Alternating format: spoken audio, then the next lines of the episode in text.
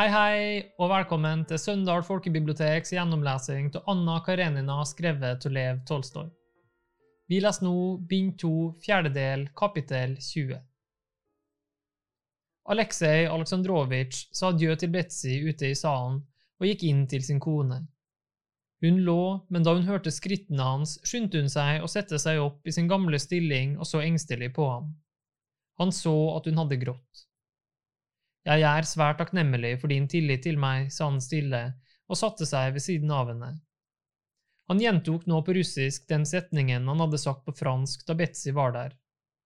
Når han snakket russisk og sa du til henne, så irriterte dette du Anna grenseløst. Og jeg er svært takknemlig for din beslutning. Jeg synes også at når han reiser nå, så behøver grev Ronskij slett ikke komme her. For øvrig… Men det har jeg jo allerede sagt, så hvorfor er det nødvendig å gjenta det, avbrøt Anna ham plutselig med en ergrelse hun ikke rakk å kalle tilbake. Behøver ikke, tenkte hun, en mann behøver ikke komme og ta farvel med den kvinnen han elsker. Henne han ville gå til grunne for, og som han har ødelagt seg for. Hun som ikke kan leve foruten ham. Behøver slett ikke. Hun knep leppene sammen og senket det strålende blikket ned mot tennene hans med de svulmende årene, nå gned han dem sakte mot hinanden. La oss aldri nevne dette mer, la hun roligere til. Jeg overlot dem avgjøre dette spørsmålet, og det gleder meg meget å se, begynte Aleksej Aleksandrovitsj. At mitt ønske stemmer overens med deres, avsluttet hun raskt, ergerlig over at han snakket så langsomt når hun allikevel visste på forhånd hva han ville si.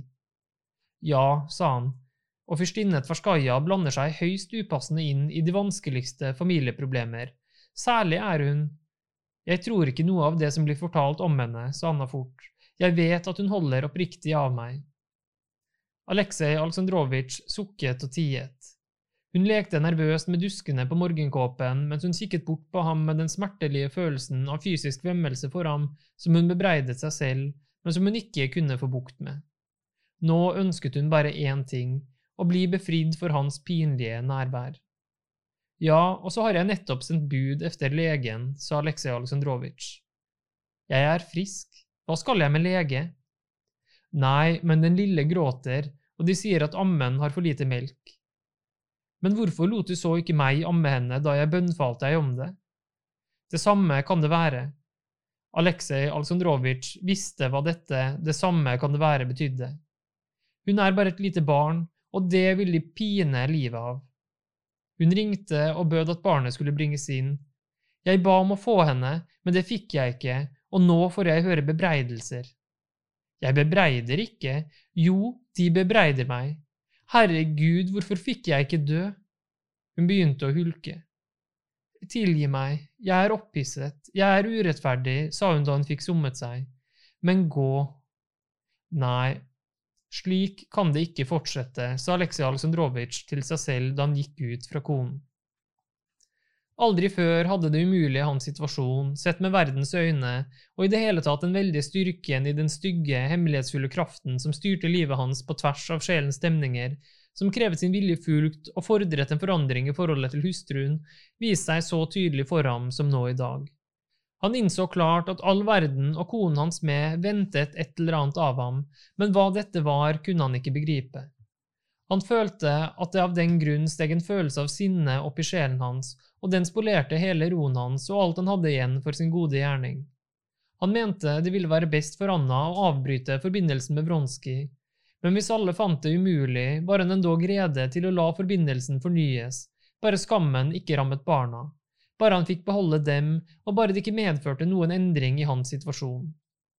Hvor galt dette enn var, så var det da iallfall bedre enn et brudd som ville efterlate henne i en trøstesløs, skammelig stilling og berøve ham alt han holdt av.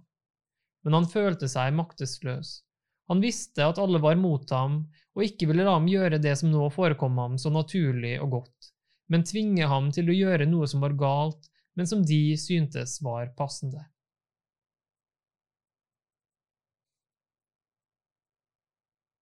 Kapittel 21 Betzy hadde ikke engang rukket å komme ut av salen før Stepan Arkadic, som nettopp var kommet fra Jelisejev, hvor de hadde fått friske østers, møtte henne i døren. Nei, fyrstinne, det var sannelig et behagelig møte, begynte han. Jeg har vært hos dem. Det blir et kort møte, for jeg er på vei bort, sa Betzy og tok hansken på med et smil. Vent med å ta hansken på, fyrstinne, la meg kysse deres hånd. De gamle motene vender tilbake, og det er ikke noe jeg er så takknemlig for som at håndkysset er kommet igjen. Han kysset Betzys hånd. Når ses vi? De er ikke verdig noe møte, svarte Betzy med et smil. Jo, jeg er meget verdig, for jeg er blitt et meget alvorlig menneske. Jeg ordner ikke bare med mine egne, men også andres familieanliggender, sa han med et megetsigende ansiktsuttrykk. Å, det gleder meg virkelig, svarte Betzy, som straks hadde forstått at han snakket om Anna. Så gikk de inn i salen igjen og stanset i en krok. Han kommer til å pine livet av henne, hvisket Betzy megetsigende. Det går ikke an, går ikke an. Det gleder meg virkelig at de tenker slik, sa Stepan Arkadic og rugget på hodet med et alvorlig og halvt medfølende, halvt lidende uttrykk. Det er derfor jeg er kommet til Petersburg. Hele byen snakker om det, sa hun. Det er en uholdbar situasjon. Hun tæres bort, tæres stadig bort. Han forstår ikke at hun er en av de kvinner som ikke kan spøke med sine følelser. Ett av to. Enten får han reise bort med henne, gå energisk til verks, eller skilsmisse, men dette tyner livet av henne. Ja, jo, nettopp, sa Oblonskij og sukket.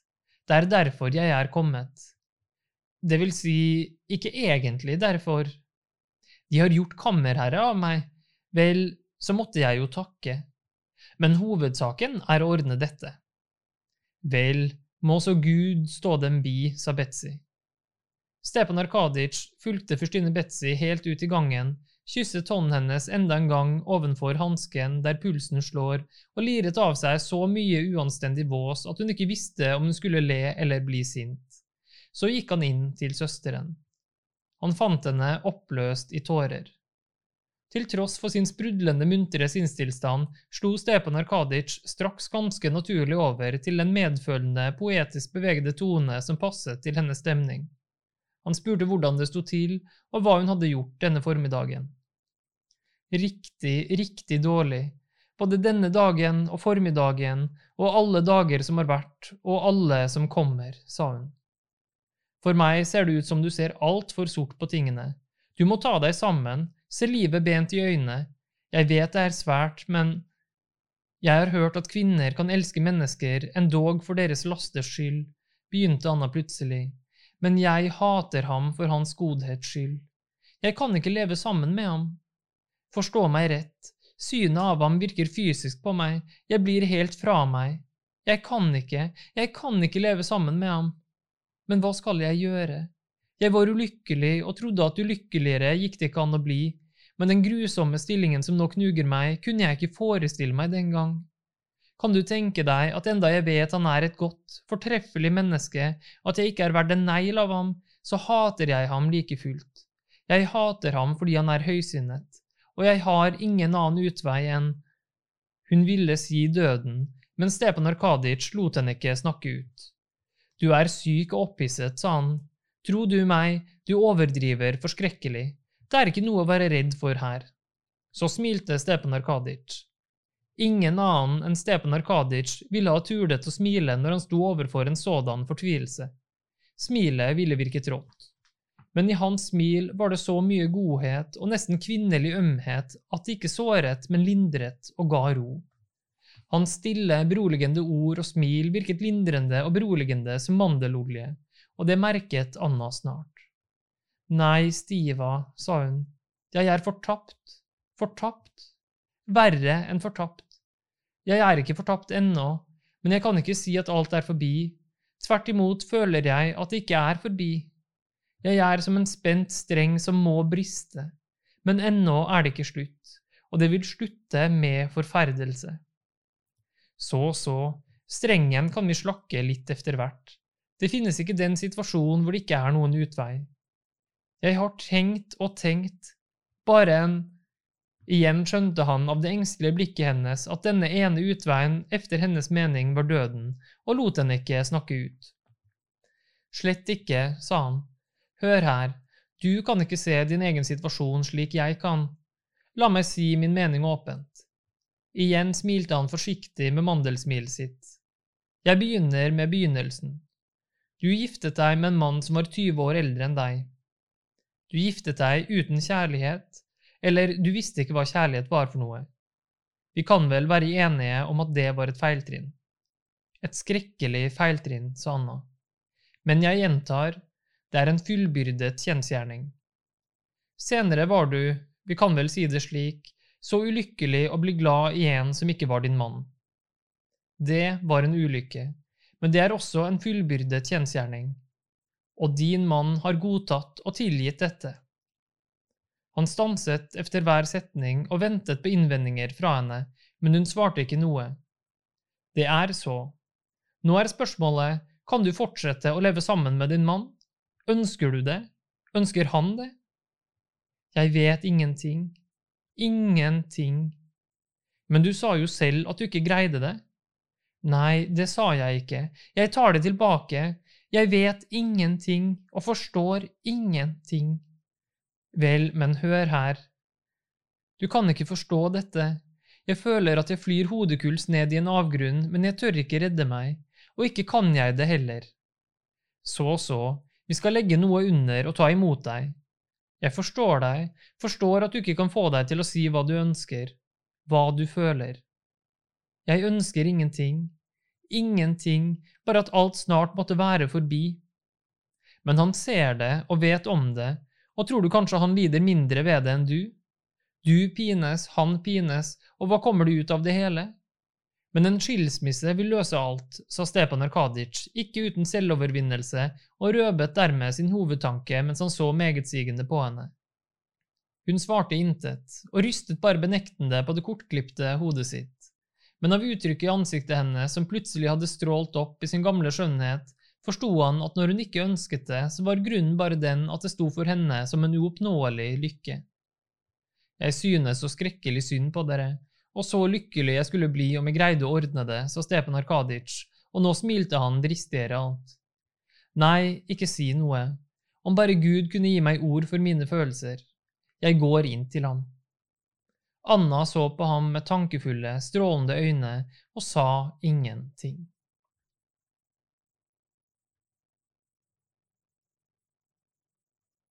Kapittel 22 Med det samme litt høytidelige ansiktsuttrykket han pleide å ha når han satte seg i sjefsstolen på kontoret sitt, gikk Stepan Arkadic inn på Aleksej Aleksandrovitsjs arbeidsværelse. Aleksej Aleksandrovitsj hadde lagt hendene på ryggen og gikk nå frem og tilbake i værelset og tenkte på det samme som Stepan Arkadic hadde snakket med konen hans om. Jeg forstyrrer ikke, sa Stepan Arkadic. Ved synet av svogeren hadde han plutselig følt en uvant forvirring. For å skjule denne forvirringen tok han frem et sigarettetui med ny låsemekanisme han nettopp hadde kjøpt seg, snuste litt på læret og fisket frem en sigarett. Nei, er det noe du vil? svarte Aleksej Aleksandrovitsj tvert. Ja, jeg ville… Jeg må ta… Ja, jeg må tale med deg, sa Stepan Arkadic og merket til sin forundring en uvant forlegenhet. Denne følelsen kom så underlig og uventet at Stepan Arkadic ikke kunne tro det var samvittighetens stemme som sa ham at det han nå hadde fore, var stygt. Stepan Arkadic tok seg sammen og overvant forlegenheten som var kommet over ham. Jeg håper du stoler på min kjærlighet til min søster og min oppriktige hengivenhet og aktelse for deg, sa han og rødmet. Aleksej Aleksandrovitsj stanset uten å svare, men uttrykket i ansiktet hans slo Stepan Arkadic. Han så ut som et lydig offer. Jeg skulle… Jeg ville snakke om min søster, om forholdet dere imellom, sa Stepan Arkadic, som fremdeles kjempet med denne uvante unnseligheten. Aleksej Aleksandrovitsj smilte trist så på svogeren og gikk uten å svare noe bort til bordet, tok et påbegynt brev og ga det til svogeren.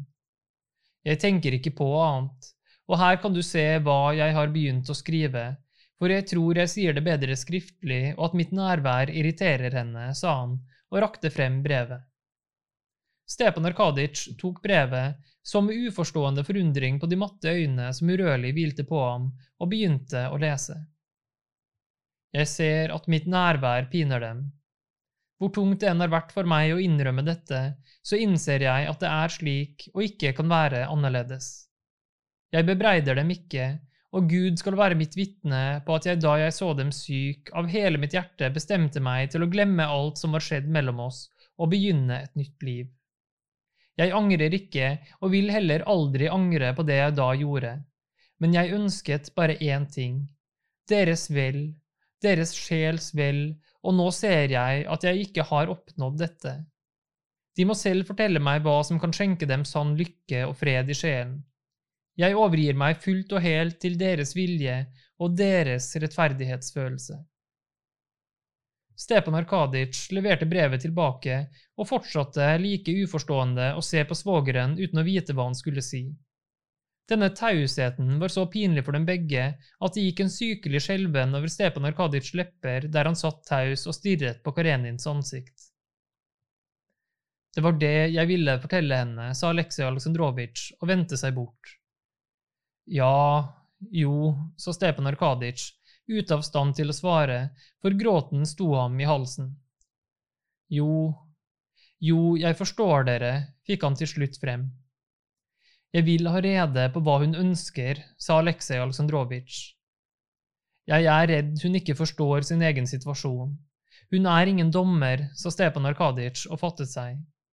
Hun er overveldet, ja, nettopp overveldet av ditt høysinn. Hvis hun får lese dette brevet, vil hun ikke greie å få et ord frem, hun vil bare bøye hodet enda dypere. Ja vel, men hva så? Hvordan skal jeg få klarhet i hvordan skal jeg få rede på hennes ønsker? Hvis jeg får si min mening, så tror jeg det er din oppgave å peke nettopp på de skritt du mener må tas for å få en ende på denne situasjonen. Du mener altså at den må få en ende, avbrøt Aleksej Aleksandrovitsj ham. Men hvorledes, la han til og gjorde en uvant bevegelse med hendene foran øynene. Jeg ser ingen mulig utvei. Det er alltid en utvei, sa Stepan Arkadic. nå var han våknet til liv og reiste seg. Det var en gang du ville bryte. Hvis du nå er sikker på at dere ikke kan bli lykkelige sammen. Lykke kan forståes på så mange måter, men sett nå at jeg går med på hva det skal være, jeg har ingen ønsker. Hvilken vei fører så ut av vår situasjon? Hvis du vil vite hva jeg mener, sa Stepan Arkadic med det samme bløtgjørende, mandelømme smilet han hadde hatt da han snakket med Anna. Dette gode smilet var så overbevisende at Aleksej Aleksandrovitsj, som følte sin egen svakhet og ga efter for den, var rede til å tro det Stepan Arkadic hadde å si. Hun vil aldri røpe dette, men kun én ting er mulig, kun én ting kan hun ønske seg, fortsatte Stepan Arkadic, og det er opphør av alle forbindelser og alle minner som knytter seg til dem. Efter min mening er det i deres stilling uomgjengelig nødvendig å komme til klarhet om et nytt forhold mellom dere og dette forholdet kan bare komme i stand ved frihet for begge parter. Skilsmisse, avbrøt Aleksej Aleksandrovitsj med vemmelse. Ja, jeg antar skilsmisse. Jo, skilsmisse, gjentok Stepan Arkadic rødmende. Det er på alle måter den fornuftigste løsning når forholdet mellom ektefellene er blitt som hos dere. Hva skal man gjøre, da, når ektefolk finner ut at de umulig kan leve sammen? Det er noe som alltid kan hende, Aleksej Aleksandrovitsj sukket tungt og lukket øynene.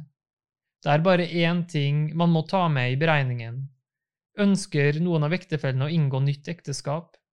Hvis ikke er det hele meget enkelt, sa Stepan Arkaditsj, som nå mer og mer frigjorde seg fra sin forlegenhet.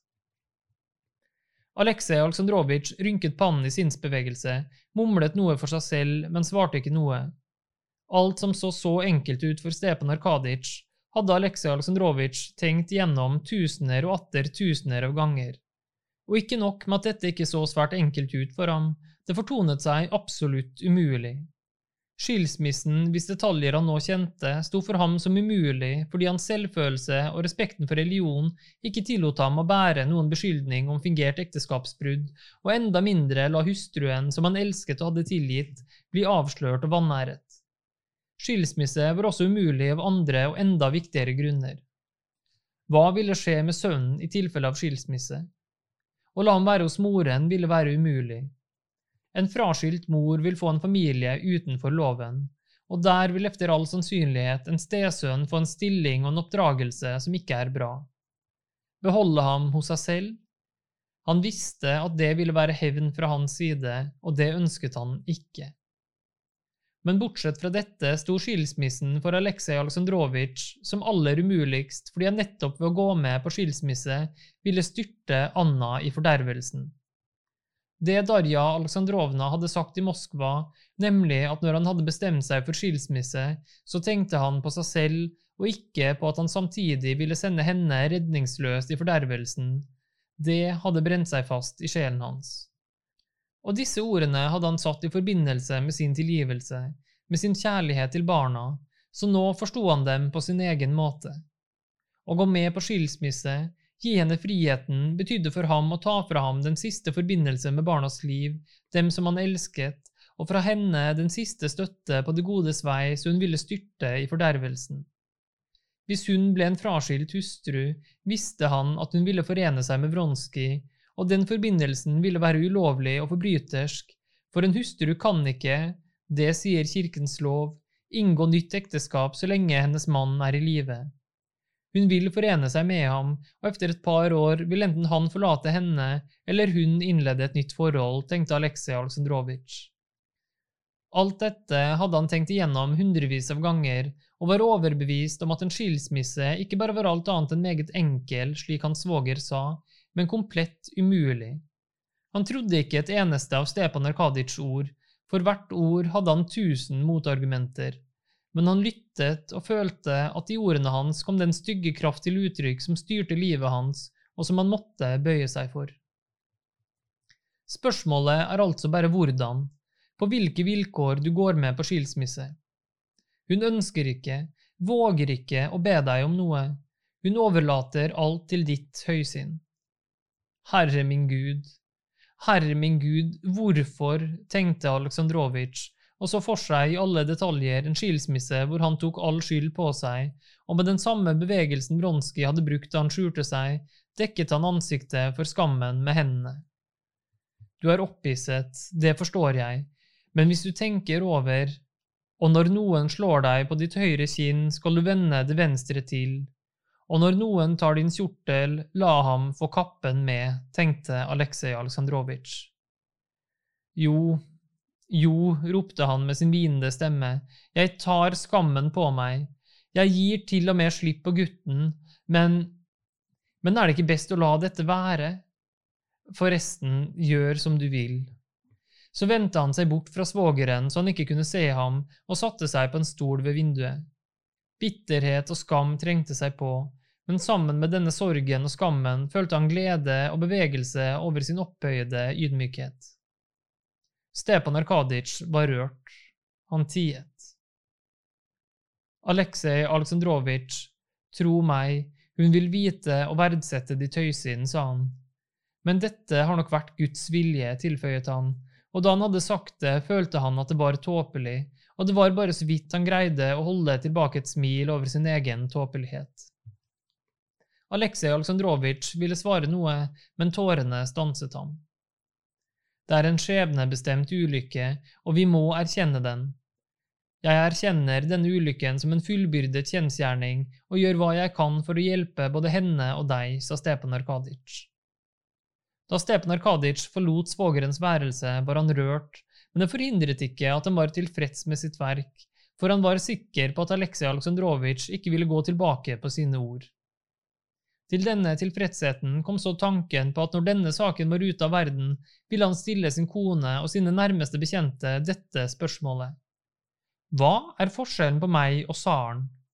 Jo, tsaren styrer, og det blir ingen mer lykkelig av, men når jeg får styre, så blir da tre lykkeligere i alle fall. Eller hva er likheten mellom meg og tsaren når Forresten, jeg skal tenke ut en bedre en, sa han for seg selv med et smil.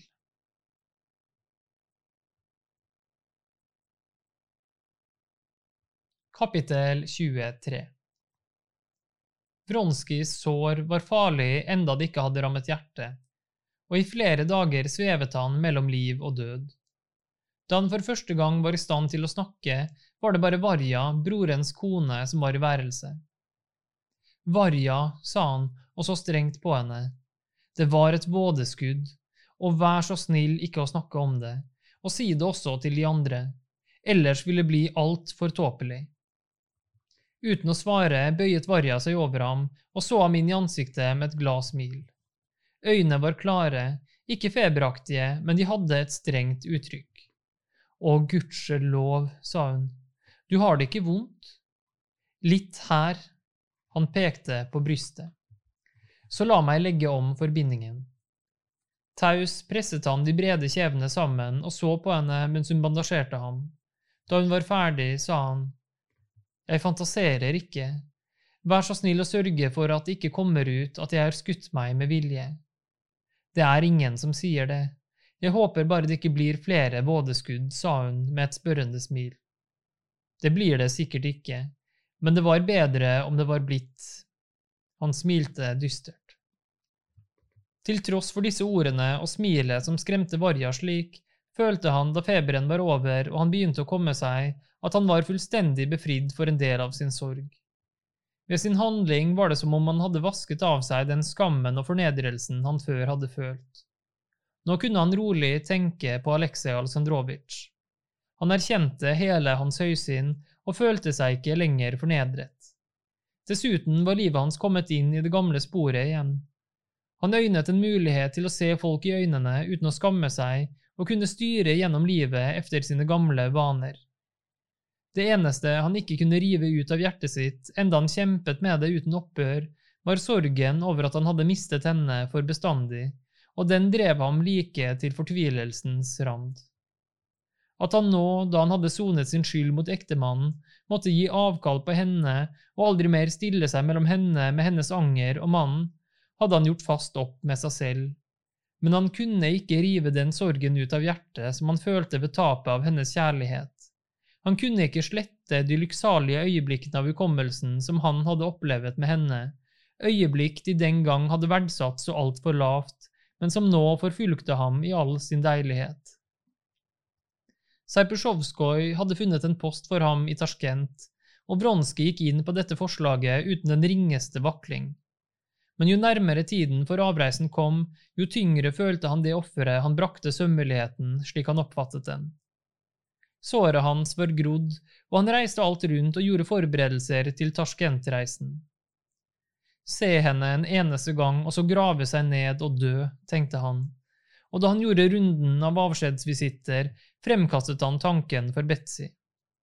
Det var med denne misjonen Betzy hadde besøkt Anna og fått et nei med til ham. Desto bedre, tenkte Vronskij da han fikk vite det. Det var en svakhet, og den kunne ha ødelagt mine siste krefter. Dagen efter kom Betzy selv til ham på formiddagen og fortalte at hun gjennom Oblonskij hadde fått pålitelig beskjed om at Aleksej Aleksandrovitsj ville la henne få skilsmisse, og at han derfor kunne treffe henne. Han brød seg ikke engang om å følge Betzy ut, glemte alle sine gode forsetter, spurte ikke når det kunne skje eller hvor ektemannen var, men reiste fluksens til Karenin. Han for opp trappen uten å ense noe som helst og gikk med raske skritt det var så vidt han greide å la være å løpe inn på værelset hennes, og uten å tenke seg om eller se seg for om det skulle være noen i rommet eller ei, omfavnet han henne og begynte å dekke ansiktet, armene og halsen hennes med kyss. Anna hadde forberedt seg til dette stevnemøtet og tenkt på hva hun skulle si ham, men hun rakk ikke å si noe av det. Hans lidenskap grep henne helt. Hun ville berolige ham, berolige seg selv, men det var allerede for sent. Hans følelse smittet over på henne, leppene hennes skalv slik at det gikk lang tid før hun fikk sagt noe. Ja, du har erobret meg, og jeg er din, fikk hun endelig frem og trykket hånden hans til brystet sitt. Det måtte gå slik, sa han, så lenge vi lever må det være slik, det vet jeg nå. Det er sant, sa hun mens hun stadig ble blekere der hun omfavnet hodet hans men det er allikevel noe grufullt i dette efter alt som er skjedd.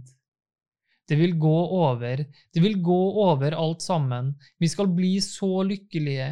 Kjærligheten vår, om den kunne bli sterkere, så ville den bli sterkere nettopp fordi det var noe grufullt i den, sa han, løftet hodet og blottet sine sterke tenner i et smil. Og hun kunne ikke annet enn svare med et smil, ikke på ordene hans, men på det forelskede blikket. Hun grep hånden hans og strøk den over de kolde kinnene og det kortklipte håret sitt. Jeg kjenner deg ikke igjen med dette kortklipte håret, du har blitt så pen, rene guttungen, men så blek du er.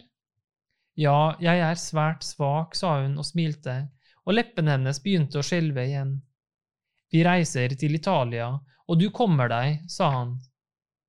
Er det virkelig mulig at vi kan være som mann og kone, bare oss to, du og jeg som en liten familie, sa hun og så ham dypt inn i øynene.